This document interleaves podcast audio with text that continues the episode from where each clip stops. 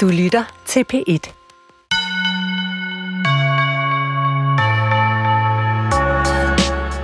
Du er 12 år gammel, og du er med din familie i kirke. I sidder sammen på de forreste rækker, og foran jer står en kiste. I den ligger din elskede mormor.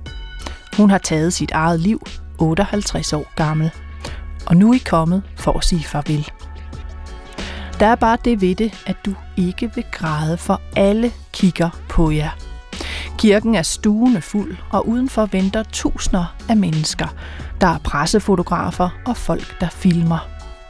For alle elskede din mormor, og følte, at netop de havde et helt særligt forhold til hende. Og nu er der kun jer i familien tilbage. Og det folk gjorde i deres afmagt, det var, at da vi gik igennem kirken, og også da vi kom ud og satte os i bilen, så rakte de ud og rørte ved os.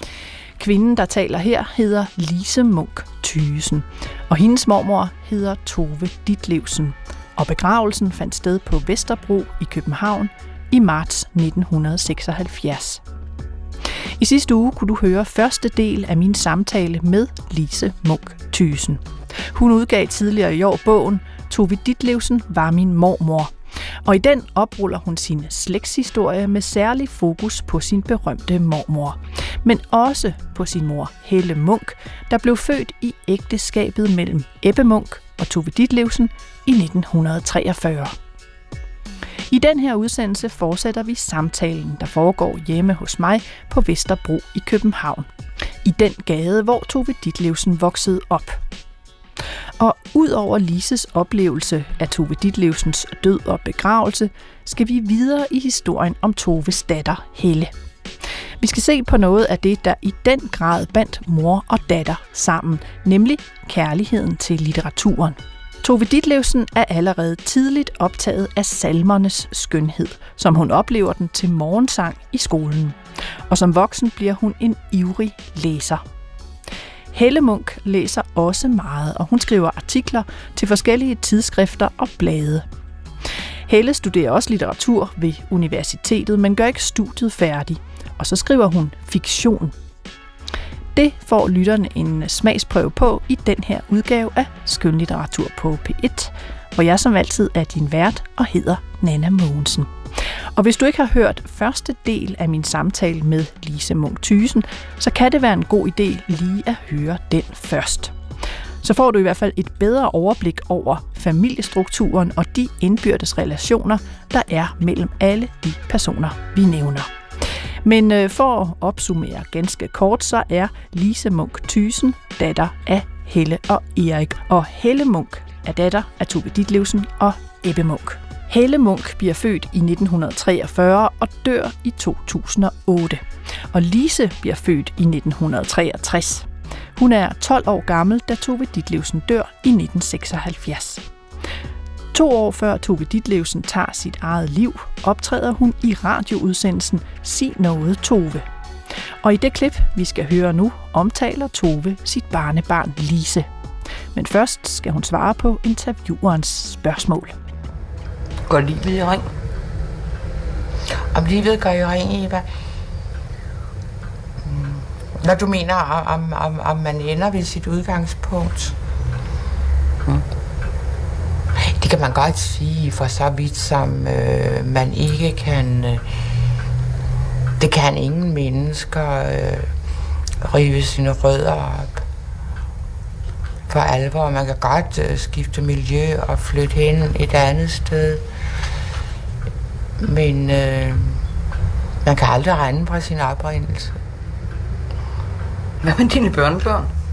Jeg har kun et. Hun er 10 år. En, en dejlig pige. Hvad siger hun til En, en, en, en rigtig lille rødstrømpe.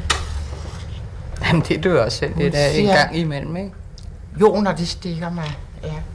Hun, hun er meget interesseret i, i politik og sådan noget, og, og hun var længe meget bred på mig, fordi jeg ikke stemte, hvad, hvad, hedder det, fællesmarkeds halvøjet, ikke? Fordi Ja, der skulle stemme enten ja eller der nej. Det må du da kunne. Jamen, jeg skulle jo øh, være imod fællesmarkedet efter hendes mening. Øh, men så, og, og, det ville jeg også have stemt på, men så forstod jeg min lille tog den morgen. Jeg skulle hen og stemme, og jeg kunne heller ikke finde ud af, hvor, hvor Søren, og jeg kunne ikke finde min stemmeseddel og sådan noget. Og så, og så sagde hun, har du ikke engang stemt om det der med fællesmarkedet? Så forklarede jeg hende, at jeg havde forstået min tog, og, og havde det jo ikke særlig godt den dag. I mormor, sagde hun, og det er min fremtid, det gælder. Ja, et lille klip fra 74. Du har det også med i din bog, du beskriver mm. det. Hvordan er det at høre? Altså, det er jo dejligt. Det er jo, det, altså, det er jo, det er jo faktisk sådan, at når man, når man øh, læser gennem breve og noter og alt muligt, så giver det, og, og lytter, så giver det altid et eller andet, et lille kip og et lille smil og en lille sådan ekstra nysgerrighed, øh, når enten man selv er nævnt, eller øh, i mit tilfælde, når min mor eller min far eller nogen er nævnt i, i, i, i forhold til mormor, eller når min mor nævner mig, og, og så videre. Fordi der er en, en, en, en en familiaritet, som, som er, er ekstraordinær der, fordi man er spændt på, hvad der bliver sagt selvfølgelig også. Men det er da en super fint lille klip, og hun er jo som altid meget underholdende. Og man kan lige høre, at hun tænder smøgen der. Ja, ja, ja. Det, det er meget stemningsfyldt. To. Hun siger jo også i starten, det ved jeg ikke, om du har tænkt dig at komme med, men hun siger jo faktisk også i starten noget om det, man kommer fra, og det kan man ikke rende fra, så det er jo meget bekræftende, kan man også sige. Ligesom Tove Ditlevsen beskæftiger sig med sin opvækst hele livet, beskæftiger hun sig med emnet børn. Forståelsen af barnets perspektiv er helt central, lige fra romandebuten i 1941, Man gjorde et barn for træd, til nogle af de sidste digte fra samlingen Det runde værelse fra 1973. Og det er særligt det udsatte barn, der ikke kan indordne sig, Tove Ditlevsen føler stærk sympati for. Børn. Mit hjerte elsker alle de umuligste børn. De, som ingen holder af, og ingen kan forstå. Lyvebørn og stjælebørn og løftebryderbørn. De børn, som alle voksne folk er meget vrede på. Mit hjerte ynder ikke disse pyntehave børn, der står i bed og intet ved om synd og bittert savn. De børn, som voksne holder af og klipper pænt i form, og som med ren samvittighed tør nævne Gud ved navn. Den kender mest til kærlighed, som aldrig mødte den. Om dyden ved den lastefulde mere end nogen tror. Mit hjerte hader pæne voksnes hækkeklippe saks. Det er på vilde buske verdens sjældne blomster gror. Samme år som Tove Ditlevsen udgiver sin sidste digtsamling, hvor digtet Børn stammer fra, udsender hun bogen Min nekrolog og andre skumle tanker. I den trykker hun simpelthen sin egen nekrolog, for som hun skriver, det har altid ærget mig, at man ikke får sine nekrologer at se. I går døde forfatterinden Tove Ditlevsen i sin bedste alder. Det er et navn, der i dag ikke siger ungdommen noget, men ældre københavnere vil endnu kunne huske hendes sarte, åndeagtige skikkelse, der var uundværlig i den tids strøgbillede. Hvor travlt hun end havde, var der altid tid til at klappe en lille purk på hovedet, eller hjælpe en gammel mor lille med at bære hendes pakkenelliker. Det var selve poesiens blå blomst, der vandrede gennem gaden og spredte solskin i sindet hos alle, der så hende. Af og til slog hun et slag ned i hvid svinstue, hvor overtjener Ambrosius Sørensen kan fortælle, at hendes yndlingestrik, trods alle onde rygter, var tomatjuice. Tove Ditlevsen nåede inden sin alt for tidlige død at skrive en snes bøger, hvoraf de betydeligste af hendes erindringer, hvor i hun med skånsløs ærlighed fortæller om de mænd, hun delte bord og seng med, ud af sit øsle gavmilde hjerte. Desværre forstod samtiden ikke at værdsætte denne ærlighed, der førte til, at ingen mand til sidst turde så meget som veksle et par ord med hende på gaden, af frygt for at komme med i næste bind. Hun var sammen med den endnu levende Claus Riffbjerg den første, der i sine bøger nævnede personerne ved deres rette navn, og i det hele taget ikke stak noget under stolen. Dødsfaldet er et stort tab for dansk litteratur, og man kan i dag undre sig over, at denne geniale kvinde aldrig fik tildelt Akademiets pris eller blev medlem af den høje forsamling. Året efter, i 1974, medvirker Tove Ditlevsen som sagt i udsendelsen Sig noget, Tove. Og her bliver hun bedt om at revidere nekrologen. Uh, Tove Ditlevsen, slutningen på din nekrolog, som den er i efteråret 1974, du må følge den op, ikke? Jo, det indser jeg. Øh, hvad skal vi skrive? Øh. Jeg vil så skal finde på, at Tove sådan døde lykkelig. Hun fortrød intet af sit liv. Hun var ikke gået glip af noget.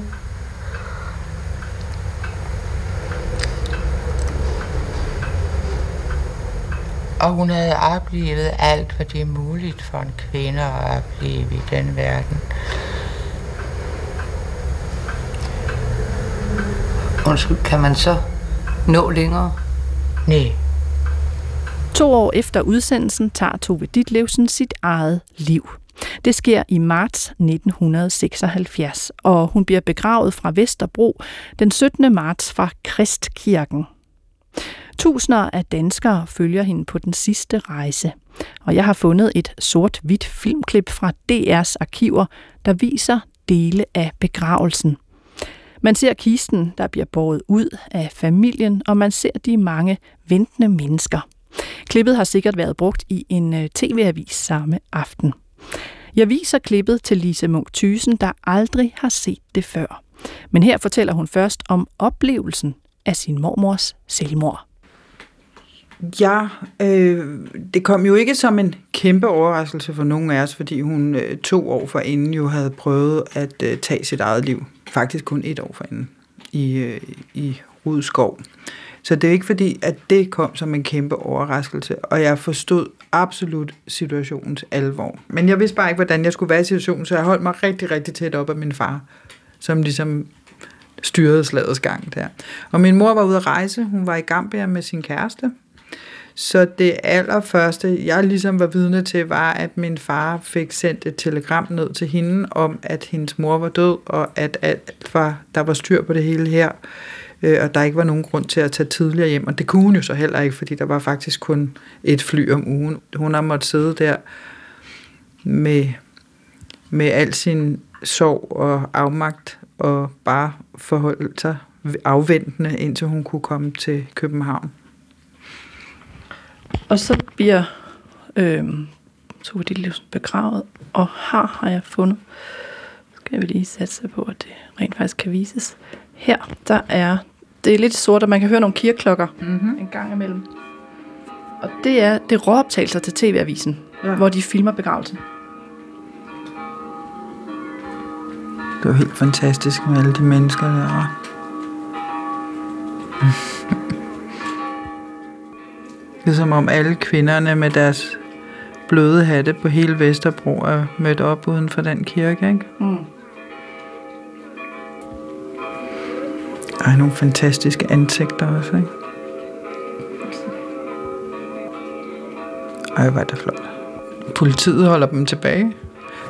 Så Se, nu ryger lyden. Det er Ja. meget. det er jo så Peter, det er min far. Og det er min mor, og det er mig. Der. Det der. Det der med den, øh, den pige med det... Pagefrisøren. Der, ja. Og det er Michael.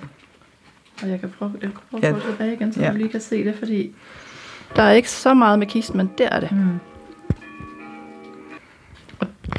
Det er så din mor, der er der, og det er dig. Jeg tror, der er et bedre... Nej, vi må lige tilbage en gang til. Der er kun lige sådan 10-15 sekunder med det, ikke? Det er min mor. Aha. Og der, ja. Ja, det er hende, og det er mig, der er der. Har du set de her optagelser nogensinde? Nej, dem har jeg ikke set før. Det har jeg ikke. Og så er der sådan lige ja, bagefter lidt... Det er også interessant. No uh, quotation. Mm-hmm. Jamen, det var helt... Det er til gengæld helt, som jeg husker det. Også selvom jeg ikke har, jeg har ikke set det her før. Det er fuldstændig, som jeg husker det. Med,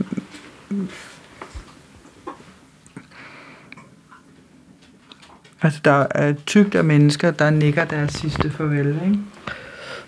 Så jeg kan prøve at kigge på det. Jeg bare... Åh, oh, det var nok den der, vi skulle have frem. Jeg se, der er det. Og så er det nok i virkeligheden her, ja. Der. Sådan der. Men hvordan husker du det selv, altså selve begivenheden og... Øhm, undskyld, det var bare fordi, jeg blev distraheret. fordi det der, det er så Trine, der går der også. Det var bare fordi, jeg sagde alle. Nå, øhm, altså, øh, jeg, for mig som privatperson, og det er min mormor, der ligger i kisten der inde i kirken, det var faktisk en, øh, det var en ret hård situation at være i. Fordi at øh, jeg havde jo ligesom fået den instruks, kan man sige, øh, at om ikke at græde, og ikke at, at, at vise den slags følelser i den situation, fordi der bare også var faktisk øh, rigtig, altså der var billedbladet og, og se og høre, og pressen var der. Men det er jo en, det er jo både en, en offentlig sorg, hun, det, du kan jo selv se, hvor mange mennesker der er der, det er jo en, en rockstjernebegravelse, ikke? men det er jo stadigvæk også en privat sorg. Øh, så da vi sad der på bænken og ventede på, at det hele skulle gå i gang, der, sad, der kom der jo flere journalister over og gerne ville have et billede og en historie osv., og, og der blev min far ved med at gænge dem væk. Men vi var jo stærkt bevidste om det, og sad rigtig meget tid bare kigget ned i gulvet for ikke at fange nogens blikke eller vise vores private følelser offentligt, kan man sige. Så, det, øh, så jeg koncentrerede mig super meget om, at jeg ikke skulle græde. Og samtidig så havde jeg lånt nogle sorte sko, så jeg koncentrerede mig også super meget om, fordi de var et halvt øh, størrelse for stor ikke at snuble i de her sko, og jeg kiggede bare ned. Og det folk gjorde i deres afmagt, det var, at da vi gik igennem kirken, og også da vi kom ud og satte os i bilen, så rakte de ud og rørte ved os. Altså, og stak, altså, da jeg gik ned igennem kirken, rakte ud og rørte ved os, og da jeg kommer ind i bilen, eller ikke mig personligt, vi er jo flere, der sidder i bilen, men da vi kommer ind i bilen, så stikker folk faktisk også armene ind igennem vinduet. Og det var en ret voldsom oplevelse. Samtidig var jeg også øh, bevidst om, og det er jeg jo stadigvæk den dag i dag, om hvor fantastisk det er, at så mange mennesker elskede hende så højt og mødte op og gav hende det sidste farvel. Så det kommer jo fra et, et kærligt sted, helt sikkert, men det var meget overvældende at være en, en del af. Og så skete der jo også det på det tidspunkt, at så var vi jo så i avisen, altså alle steder, og i tv-avisen og så videre. Så der skete det, at jeg lige pludselig blev, altså blev det jo lige pludselig en en offentlig kendt ting, at jeg var Tove Ditlevsens barnbarn. Så da jeg kommer i skole bagefter, så kommer der jo børn hen, jeg aldrig nogensinde har snakket med, eller noget som helst, der kommer hen og gerne vil tale med mig, og måske lige vide lidt om, hvordan hun var, og så videre, og lære, der aldrig nogensinde, jeg har aldrig nogensinde undervist mig at komme hen og skulle tale med mig. Så pludselig, så blev det en, en offentlig kendskærning. Jeg endte med at komme over til min farmor og farfar i en uges tid, for lige indtil, at det lige blev lidt roligt omkring os igen det blev sådan lidt for meget af det gode. Jeg kunne godt tænke mig, at øh, mens jeg henter noget, mm. som har med begravelsen at gøre, at du finder øh, i bogen øh, det sted, hvor der er Tove Ditlevsens selvmordsbrev, og hun nævner faktisk, hvad for nogle salmer, hun gerne vil have ja. sunget. Ja. Og nu finder jeg lige noget særligt til dig, som jeg har skaffet. Så. Nå, den har jeg også med. Nej. Er det, hendes, øh, er det fra begravelsen? Du har den simpelthen. Jeg havde, ja, ja, fordi ja, jeg fandt den på et antikvariat, og jeg, ja, og det, jeg tror, den har været nærmest uop... Altså, jeg havde ikke set den nogensinde nej, før. Nej. Du må hellere fortælle lytterne, hvad det er. Nu troede jeg, jeg havde noget særligt med, som du ikke havde set. det er jo også en særlig ting, men det er programmet fra, fra øh, min mormors begravelse fra onsdag den 17. marts. Det er et... Øh, ja, sådan et, et, et, et, et hvidt program med et kors foran og hendes navn og datoen på. Og så indeholder det de to salmer, der blev sunget til begravelsen. Og vil du ikke sige, hvad det er for nogen? Jo, den, den første salme, det var Far verden, farvel, og den anden er Gudske tak og lov. Og hun, skriver, hun nævner jo faktisk også i, i sit selvmordsbrev, ja. Præcis. Kære Helle, dette skriver jeg en uges tid efter mit første brev. Jeg har fået at vide, at en eksekutor absolut skal være advokat, og han skal have 2% af hele redeligheden, hvad, ikke, hvad der ikke er så let. Når man tænker på indtægterne af min produktion fremover, okay, ja, okay, så tror jeg nok, det er nemmere at, og hurtigere at lade skifteretten tage sig af det. Jeg kan ikke finde min dåbsattest, men du kan sagtens få en kopi af den. Jeg er døbt i Kristkirken, og for den vil jeg meget gerne begraves. Præsten skal kun holde en kort tale før fadervor og det sædvanlige ritual. Jeg vil ligge på Vester Kirkegård, hvor jeg så tit legede som barn, og det hele skal være officielt, altså ikke noget med, at bisættelsen har fundet sted. Af salmer skal der synges Far verden, farvel og Gudske tak og lov, vi så dejlig sov, som var det første digt, jeg nogensinde hørte. Jeg har 15.000 kroner til gode hos lademand, og ja, bla bla bla. Så der er øh, to salmer, som hun selv har bedt om, skal være hun øh, ved begravelsen. Og den ene er Far verden, farvel, og den anden er Gudske tak og lov, vi så dejligt sov. Og sidstnævnte er den, før, den salme, de sang til morgensang, da hun startede i skole, øh, og som fik hende til at græde og føle sig bevæget, og det er der, hun fandt ud af, at hun havde en digter i sit hjerte.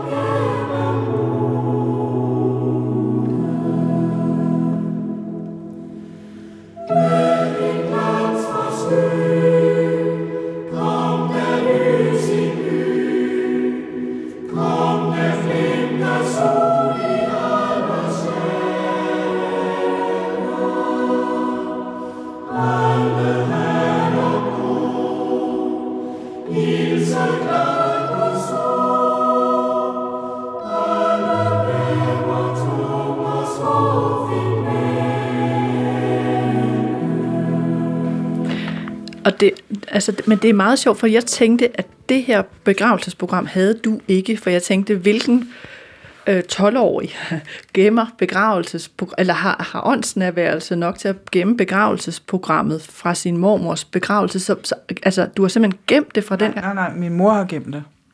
Hun har gemt det. Min mor har gemt det. Øh, men når det så skal være sagt, så har jeg faktisk øh, også, ligesom min mor, om øh, gemt breve og den slags ting, øh, siden jeg var barn. Det der så bare er, der er der en stopklods på det, fordi så kom e-mail jo ind.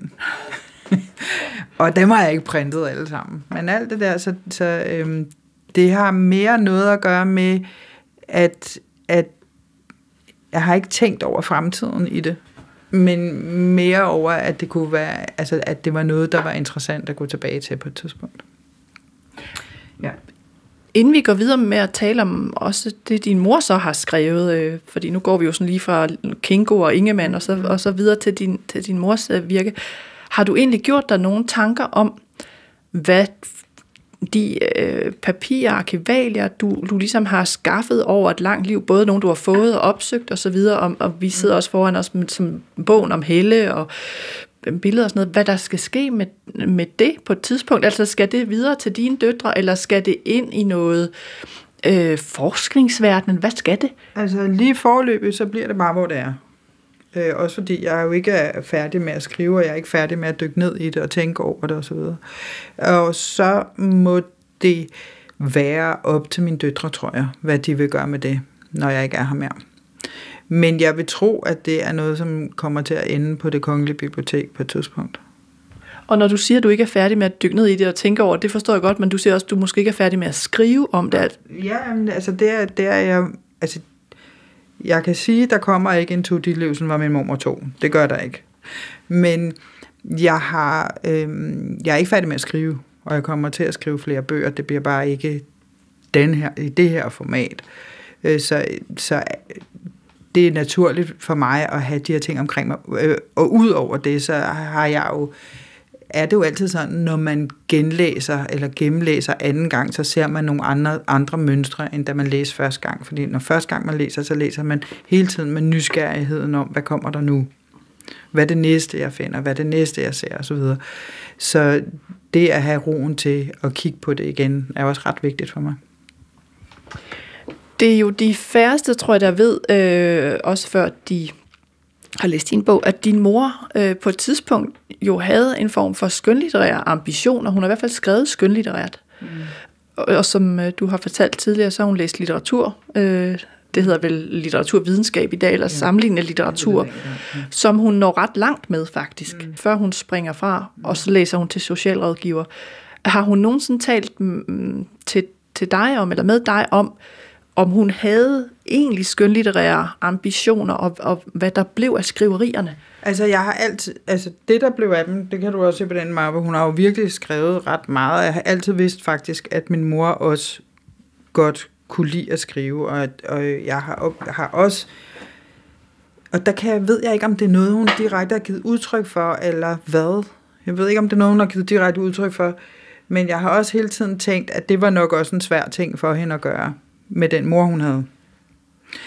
Øh, fordi at, øh, at øh, især fordi hun øh, også var i samme genre, at der er, en, er noget med noget med sammenligning og så videre. Så det kan i hvert fald være svært, og det er det sikkert for alle øh, børn af berømtheder, eller af nogen, der er dygtige til sit fag. Ikke? Øhm, og, men så skrev hun jo også øh, de her artikler i Kvinder, og hun udtrykte sig jo også kreativt øh, gennem at lave film og så videre. Jeg tror, at, min, at, at den, at den novelle, som hun fik trygt, har hun jo fået trygt, da hun var 20-21 år. Ikke? Jo, da hun var 21 år.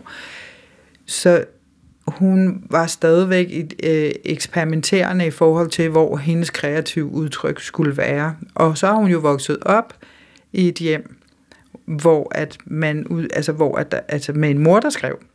Og hun har altid, altid læst meget. Hun har altid været utrolig interesseret i litteratur og har øhm, havde, altså, hun havde en bred viden den vej af. Så øh, det undrer mig ikke, at, hvis, at, at det var det, hun øh, i første og fremmest valgte at læse på universitetet. Jeg tror ikke, hun havde tænkt over, at der kunne være andre ting, hun kunne gøre, end at, øh, ja, som jeg sagde tidligere, enten excellere øh, akademisk, eller øh, kunstnerisk. Og så har hun gået efter det akademiske, hvilket også er en kunst i sig selv. Den novelle, vi skal høre et, øh, et uddrag af, det er den, der hedder Mors Søn. Den har været trygt i Politiken i 1965. Ja. Øhm, og jeg har fået indlæst altså sådan den første tredjedel, eller sådan noget af den, så man i hvert fald får en fornemmelse af øhm, skrivestilen, skrivestilen og ja. temaet jo også. Og nu skal du høre, jeg har fået min kollega til at indlæse. Og den kommer her.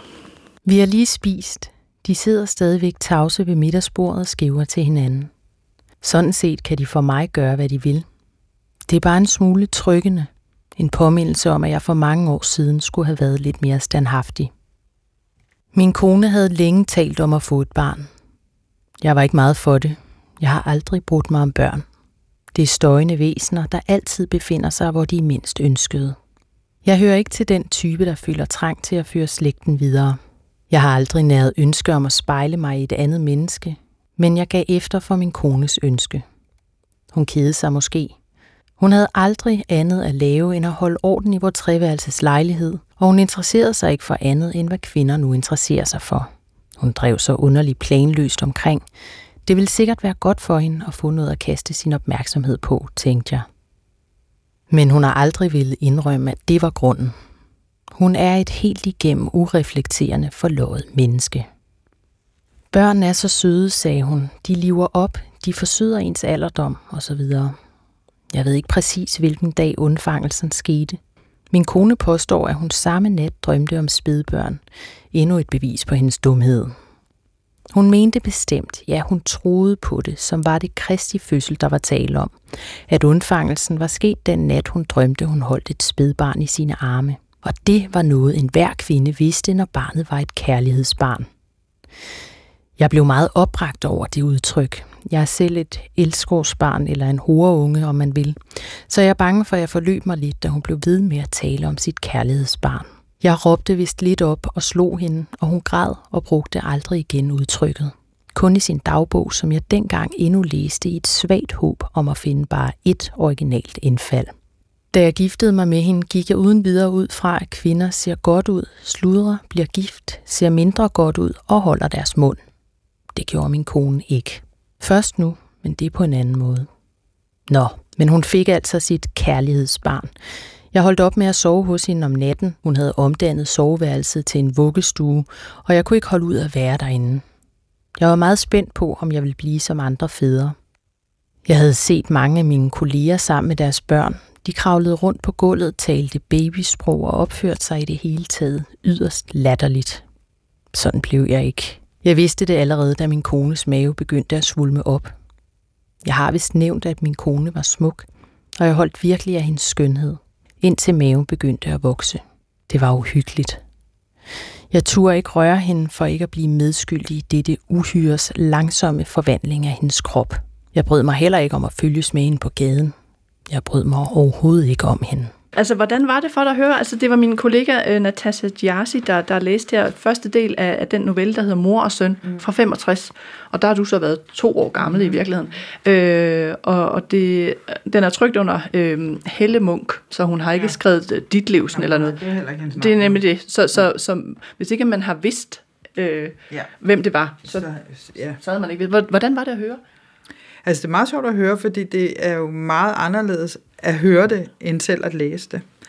Men det er jo, der er jo nogle ting, der er påfaldende ved det, øh, fordi jeg synes jo faktisk, at hun kredser om de samme emner som hendes mor i, i den her historie. Og så har hun jo så sin egen livserfaring ind over.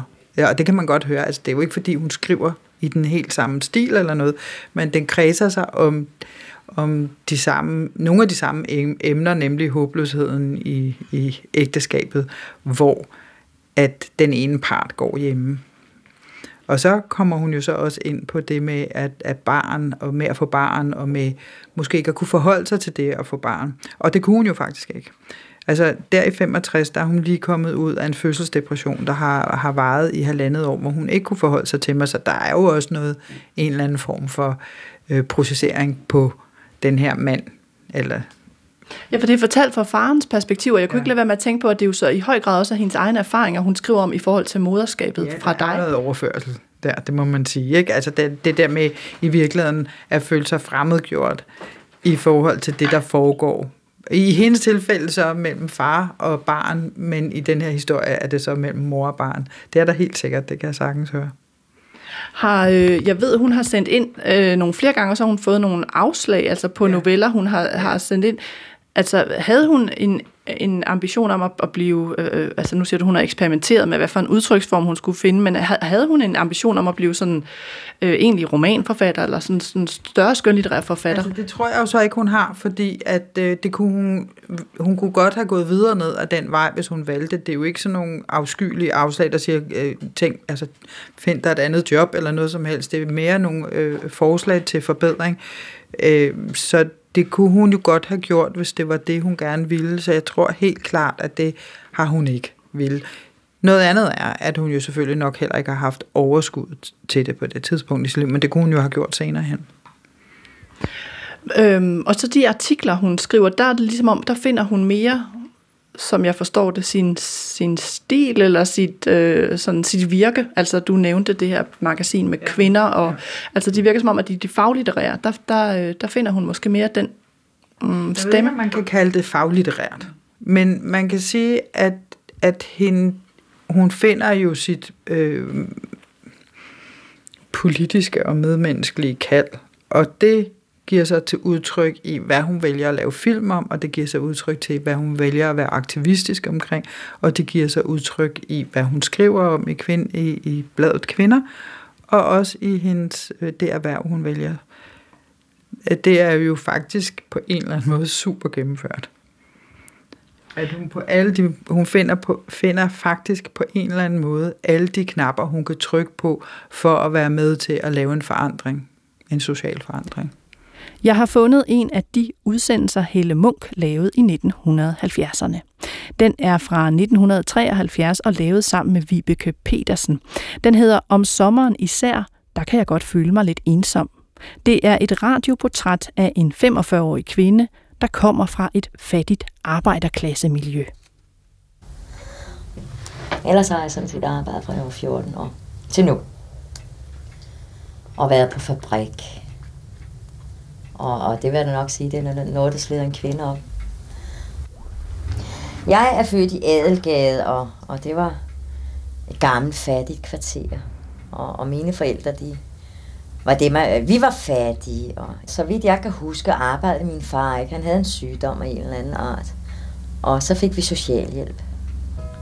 Jeg gik kun syv år i skole, da jeg så skulle ud og arbejde. Jeg skulle tjene nogle penge.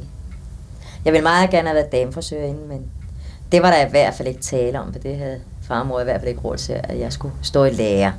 Så jeg kom på en tæppefabrik nede i Borgade, og jeg tjente 17 kroner om ugen. Og der kan jeg huske, at jeg fik lov at beholde de fem. Far skulle have de 12. Og jeg var begyndt at ryge dengang. Så, og jeg gik i palæbiografen to gange om ugen, det skulle jeg. Der skiftede film, ikke? Det skulle jeg selvfølgelig ned til, ikke? Og øh, så begyndte jeg at interessere mig for at danse. Det vil sige ikke skoledans, for det har vi heller ikke råd til. Men jeg gik til baller. Jeg har lyst til, at vi på en eller anden måde øh, runder af lidt baglæns, nærmest ved øh, det, der fører til din mors undfangelse. Og det er jo mødet mellem ja. din, øh, din øh, mormor og morfar. Ja. Som jeg, jo til, som jeg vil jo så sige, at, at, at, at alle de ægteskaber, min mormor har været i, har på en eller anden måde også har været det mest ligeværdige og ligestillede to unge mennesker, der forelsker sig hinanden og skaber en familie. Og de forblev faktisk venner, indtil han døde. De blev ved med at skrive sammen og ringede til hinanden og så videre. Så, ja. Og der har du noget særligt med, som jeg ikke tror har været offentliggjort før. Det har jeg. Fordi det som, og det har mormor skrevet om i, i Gift, i hendes erindringsroman Gift, men det der skete, det var, at min mormor blev inviteret til en fest ude i Sydhavn med dem, som senere er blevet beskrevet som Sydhavnsgruppen. Øhm, og øh, jeg har indbydelsen til den fest, som var der, hvor min mormor mødte min morfar for første gang. Og man kan se på den her der er selveste indbydelsen, og så har mormor skrevet, den aften mødte jeg Ebbe henover. Så hun har gemt den som, som et øh, dejligt minde om det her første møde også. Og der står også her, jeg tror, at der... Ja, øh, ja, fordi det var da, det, det, det er det er den, altså jeg skal læse højt. Mm-hmm. Ja. Og der står indbydelse til piratfest, fru Tove Ditlevsen. Grundet den på om sig gribende statsorganiseret konkurrence og på det faktum, at sammenslutningen af faglærte pirater har fundet, at det man an, an, undskyld, har fundet, at det man anses at ligge under standens værdighed, at kabre de surrogatlaster, man for tiden er henvist til, har piratskibet Bounty forløbig lagt op. Skibet er fortøjet i Sydhavnen, Wagnersvej 4, 3. til venstre, 10 grader 25 østlig længde, 55 grader 47 nordlig bredde. Sammenslutningens bestyrelse har dags dato besluttet at forkorte ventetiden med en piratfest med dans og druk og piger, som vil være afholdt lørdag den 7. februar kl. 7.30. Kontingent 4 kroner. Påklædning en af styrmand Carlsens tanter. Med piratlig hilsen Ole Haslund, overpirat. PS. Påklædning gælder som adgangstegn. Svar modtag... Øh, hvad hedder det? Jo. Svar udbedes, ikke? Ja. ja. Og, det, og... og så har hun så skrevet på den, den aften mødte jeg Ebbe med en anden farvepen, ikke? Det er jo ret, altså det er jo ret sjovt, fordi det er jo nærmest der... Det er, op, det er jo historie. ja, det er det, og det er jo også øh, din mors øh, begyndelse på en eller anden måde. Det er det. Det er der, de, altså, de mødte hinanden ved den fest første gang. Ebbe, han havde 40 feber og lå faktisk syg, og de var over at hente ham øh, så han kunne komme over og møde min mormor, fordi alle havde en formodning om, at det ville være et, et rigtig godt møde, og det var det så. De blev meget forelskede i hinanden. Og hvor fandt du det her brev hen? Det har jeg fundet i de mapper, som min mor har over i, i, i mappen familie og slægt.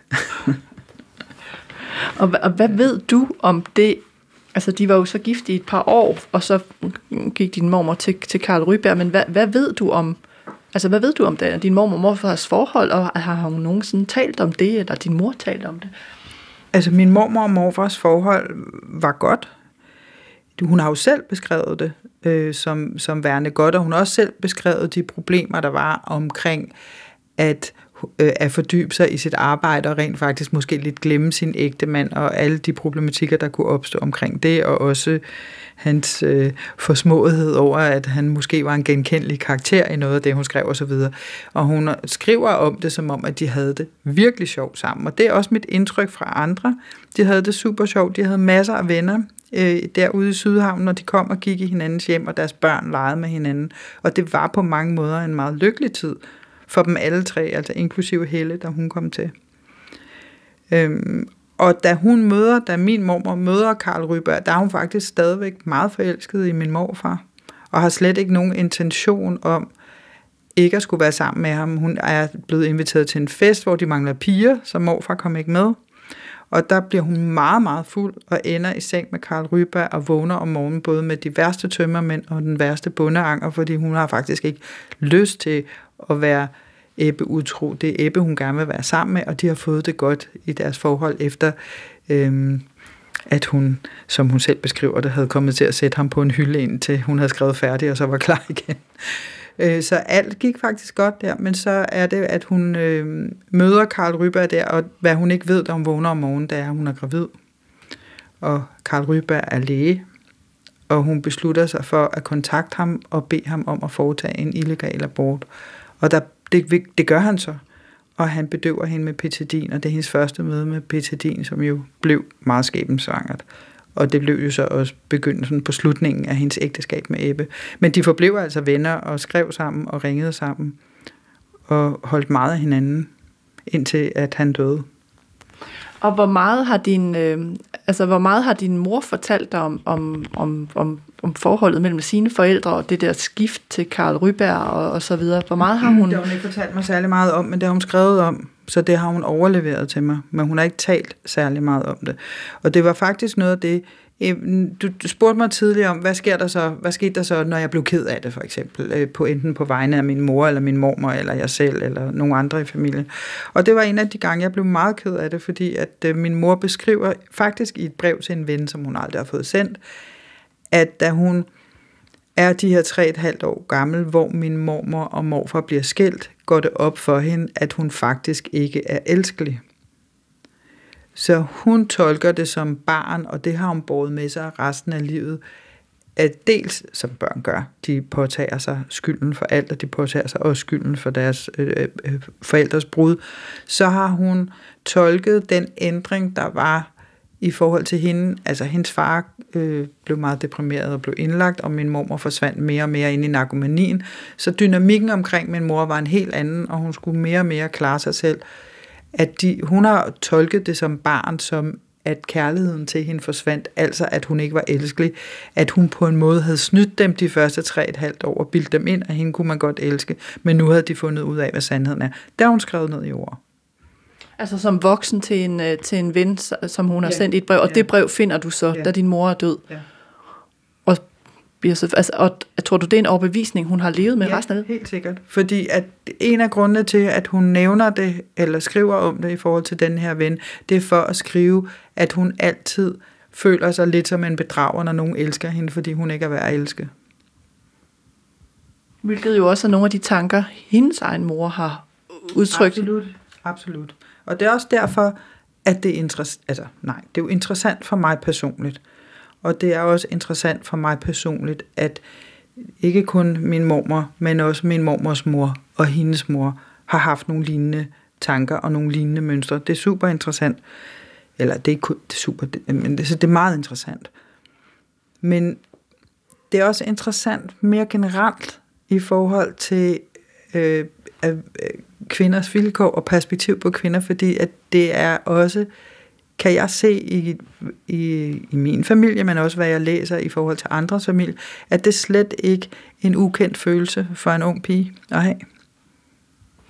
Men så bliver et af mine måske også mere afsluttende spørgsmål, at det du skriver i din bog, og det vi også har talt om, og det, det er, hvordan altså, der kan være øh, ligheder i en slægt, altså Tove Ditlevsens øh, misbrug og, og øh, kompliceret forhold til sine egne forældre, illegale aborter, din mors øh, psykiske udfordringer, også et misbrug, overgreb, og så sidder du her som øh, et, et helt menneske, der er kommet udenom det på en eller anden måde. Altså, hvad er det, der gør, at det er fortsat i så langt et, øh, hvad skal man sige, et, en, en slægtskæde, og så øh, ja, brydes nu? Øhm, der er mange aspekter i det. Altså, der er virkelig mange aspekter i det, og alt er jo ikke brudt. For man kan sige, at, at jeg har også øh, en masse med mig, som er konsekvens af, øh, Øh, at, at det barndomsliv, min mor har haft, og min mor har haft, osv. osv.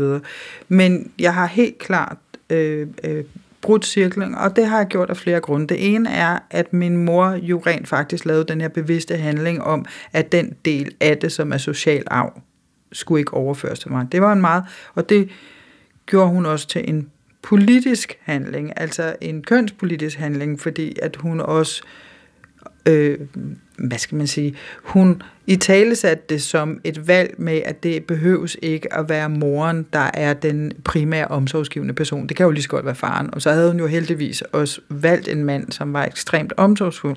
Min far var et meget omsorgsfuldt menneske. Så jeg voksede op i meget trygge rammer, faktisk. Og min far kunne godt han talte ikke i detaljer om det, men han kunne godt i tale sætte min mors sårbarhed. det var jo ikke en hemmelighed, at hun var sårbar. Jeg vidste bare ikke, hvor den sårbarhed kom fra. Så, så, så det ligger der i det, og så har min far jo sagt til mig igen og igen, at det første, jeg nærmest sagde, da jeg kunne sige noget, var, at jeg gerne ville være mor. Så jeg har haft en ret stærk drivkraft i forhold til, at jeg gerne ville være mor.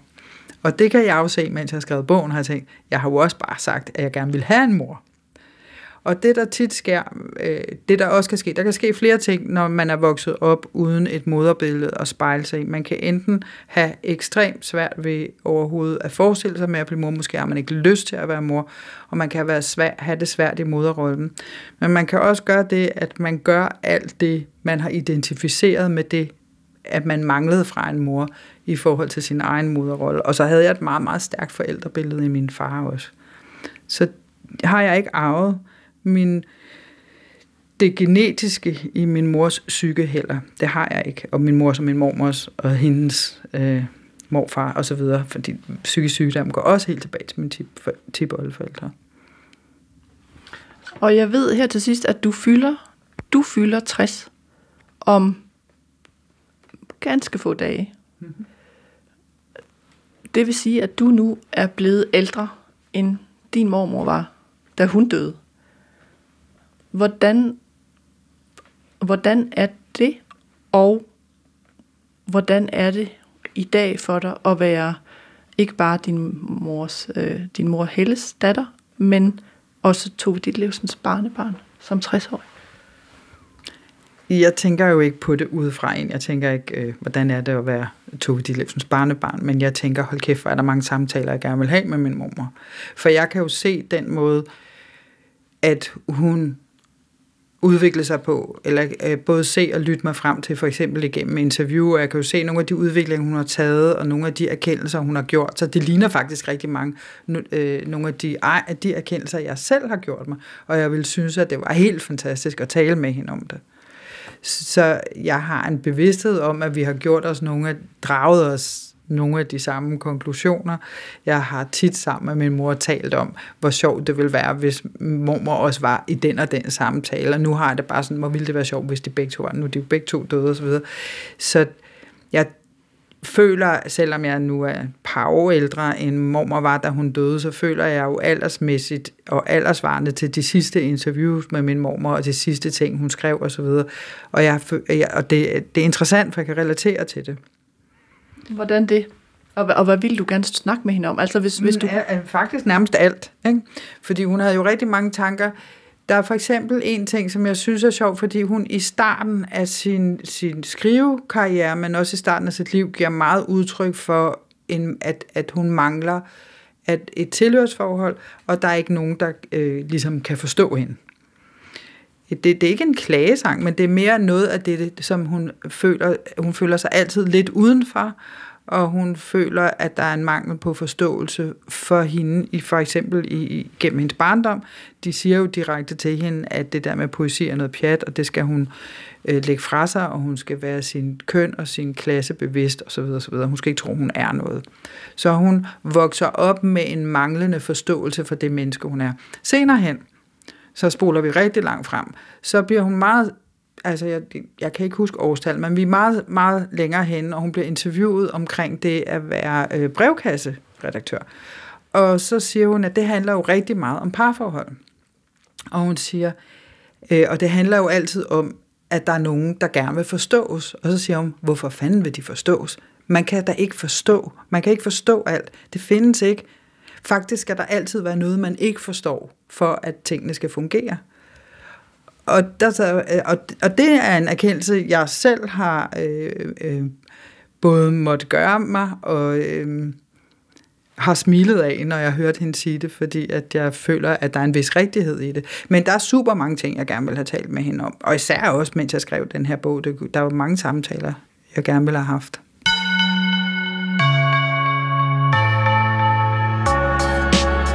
Skønlitteratur på P1 er slut for denne gang. Jeg var din vært og hedder Nana Mogensen. Du kan skrive til mig på litteratur Jeg har i forbindelse med den her udsendelse kontaktet Tove Ditlevsens endnu levende børn, Trine og Peter. Ingen af dem har ønsket at medvirke. I programmet blev der læst op fra følgende værker. Tove Ditlevsen læste sit eget digt Børn fra samlingen Det Runde Værelse, udsendt på Gyldendal. Min kollega Linnea Albinus Lande læste et uddrag af Tove Ditlevsens nekrolog, skrevet af Tove Ditlevsen selv og trygt i bogen Min nekrolog og andre skumle tanker, også udsendt på Gyldendal. Min anden kollega, Natasha Djarsi, læste første del af Helle Munks novelle Mor og Søn, trygt i politikken i 1965. Jeg spillede også noget af Guske Tak og Lov, komponeret af C.E.F. Weisse og med tekst af B.S. Ingemann. Det var Treenighedskirkens drengekor, der sang. Min gæst, Lise Munk Thysen, hvis bog vi tog udgangspunkt i, hedder Tove Ditlevsen var min mormor, en familiehistorie om skam, skæbne og tilgivelse. Den er udkommet på forlaget 28b. Og der er flere bøger på vej om Tove Ditlevsen. Den ene er lige på trapperne og hedder Tove Ditlevsen i billeder, en livsskildring af Annelise Marstrand Jørgensen. Og hvis vi hopper til begyndelsen af 2025, så udkommer der en stor monografi om Tove Ditlevsen med nye læsninger af hendes forfatterskab. Arbejdstitlen er Tove Ditlevsens Veje. Og det er som end en af programmets tidligere gæster, litteraturforsker og anmelder Lilian Munk Røsing, der står bag den. Så altså masser af stof på vej. Vi slutter, hvor vi begyndte, nemlig på selveste Hedebygade, hvor Tove Ditlevsen voksede op, og hvor jeg lige har interviewet hendes barnebarn. Her er øh, Tove Ditlevsen taget på besøg i sin gamle baggård anno 1967 med Nils Biver Vamberg. Vi høres ved i næste uge. Det er på fjerde sal, der boede jeg. Der bor Esther. Der er nogle meget flot gardiner i øjeblikket. Det tror jeg ikke, der var dengang. Og, og Lisa, hun boede på anden sal, der hvor der er masse potplanter i vinduet. Men det er jo i forhuset. Der boede de rige. De betalte to kroner mere om måneden i husleje. Så man agtede dem af den grund? Ja, det gjorde man. Man kunne ikke sådan helt blive det samme, når man boede i baghuset, og de havde udsigt til gaden og til skolen og så videre. Jo, det var noget af det rigeste, man kom i nærheden af, bortset fra skolelæreren og sygekasselægen. Hvem havde de så også ned på? Vi, vi havde dem i gården ved siden af, som de kan se der. De, de, vi kaldte dem... De, gården hed Fælles Eje. Og så var der Fælles af ungerne, der altid var fattige og havde lus og var skaldet og, og, og gik til skolebespisning på Ny Carlsberg skole, for det var noget, ordentlige mennesker ikke kunne være bekendt. Lige med hvor sultne vi var, så nedlod vi os ikke til at deltage i den der skolebespisning. Det var i øvrigt vist det eneste, den eneste sociale hjælpeforanstaltning, der var i, i 30'ernes København. Er gården her nøjagtigt, som de husker den? Ganske nøjagtigt. Bortset fra, at jeg, eftersom jeg var et barn, naturligvis husker den som værende meget, meget større. Jeg synes, den er skrumpet vældigt ind og blevet meget lille og meget færdig at se på i årenes løb. Men skraldbøtterne og, og det hele, og pissoiret, hvor lokkeren stod, og, og pigerne i skraldekrogen. Jeg gad vide, om det er lige sådan i dag. Skiltet der? Det er blevet finere. Nu står der støjende lag forbudt ophold i gården efter kl. 19. Ikke tilladt. I min barndom stod der lag og boldspil forbudt, og det var alle døgnets timer. Vi måtte ikke være her, vi måtte ikke lege, vi måtte ikke spille bold, vi måtte heller ikke være ude på gaden. Der var overhovedet ingen steder, hvor vi måtte være.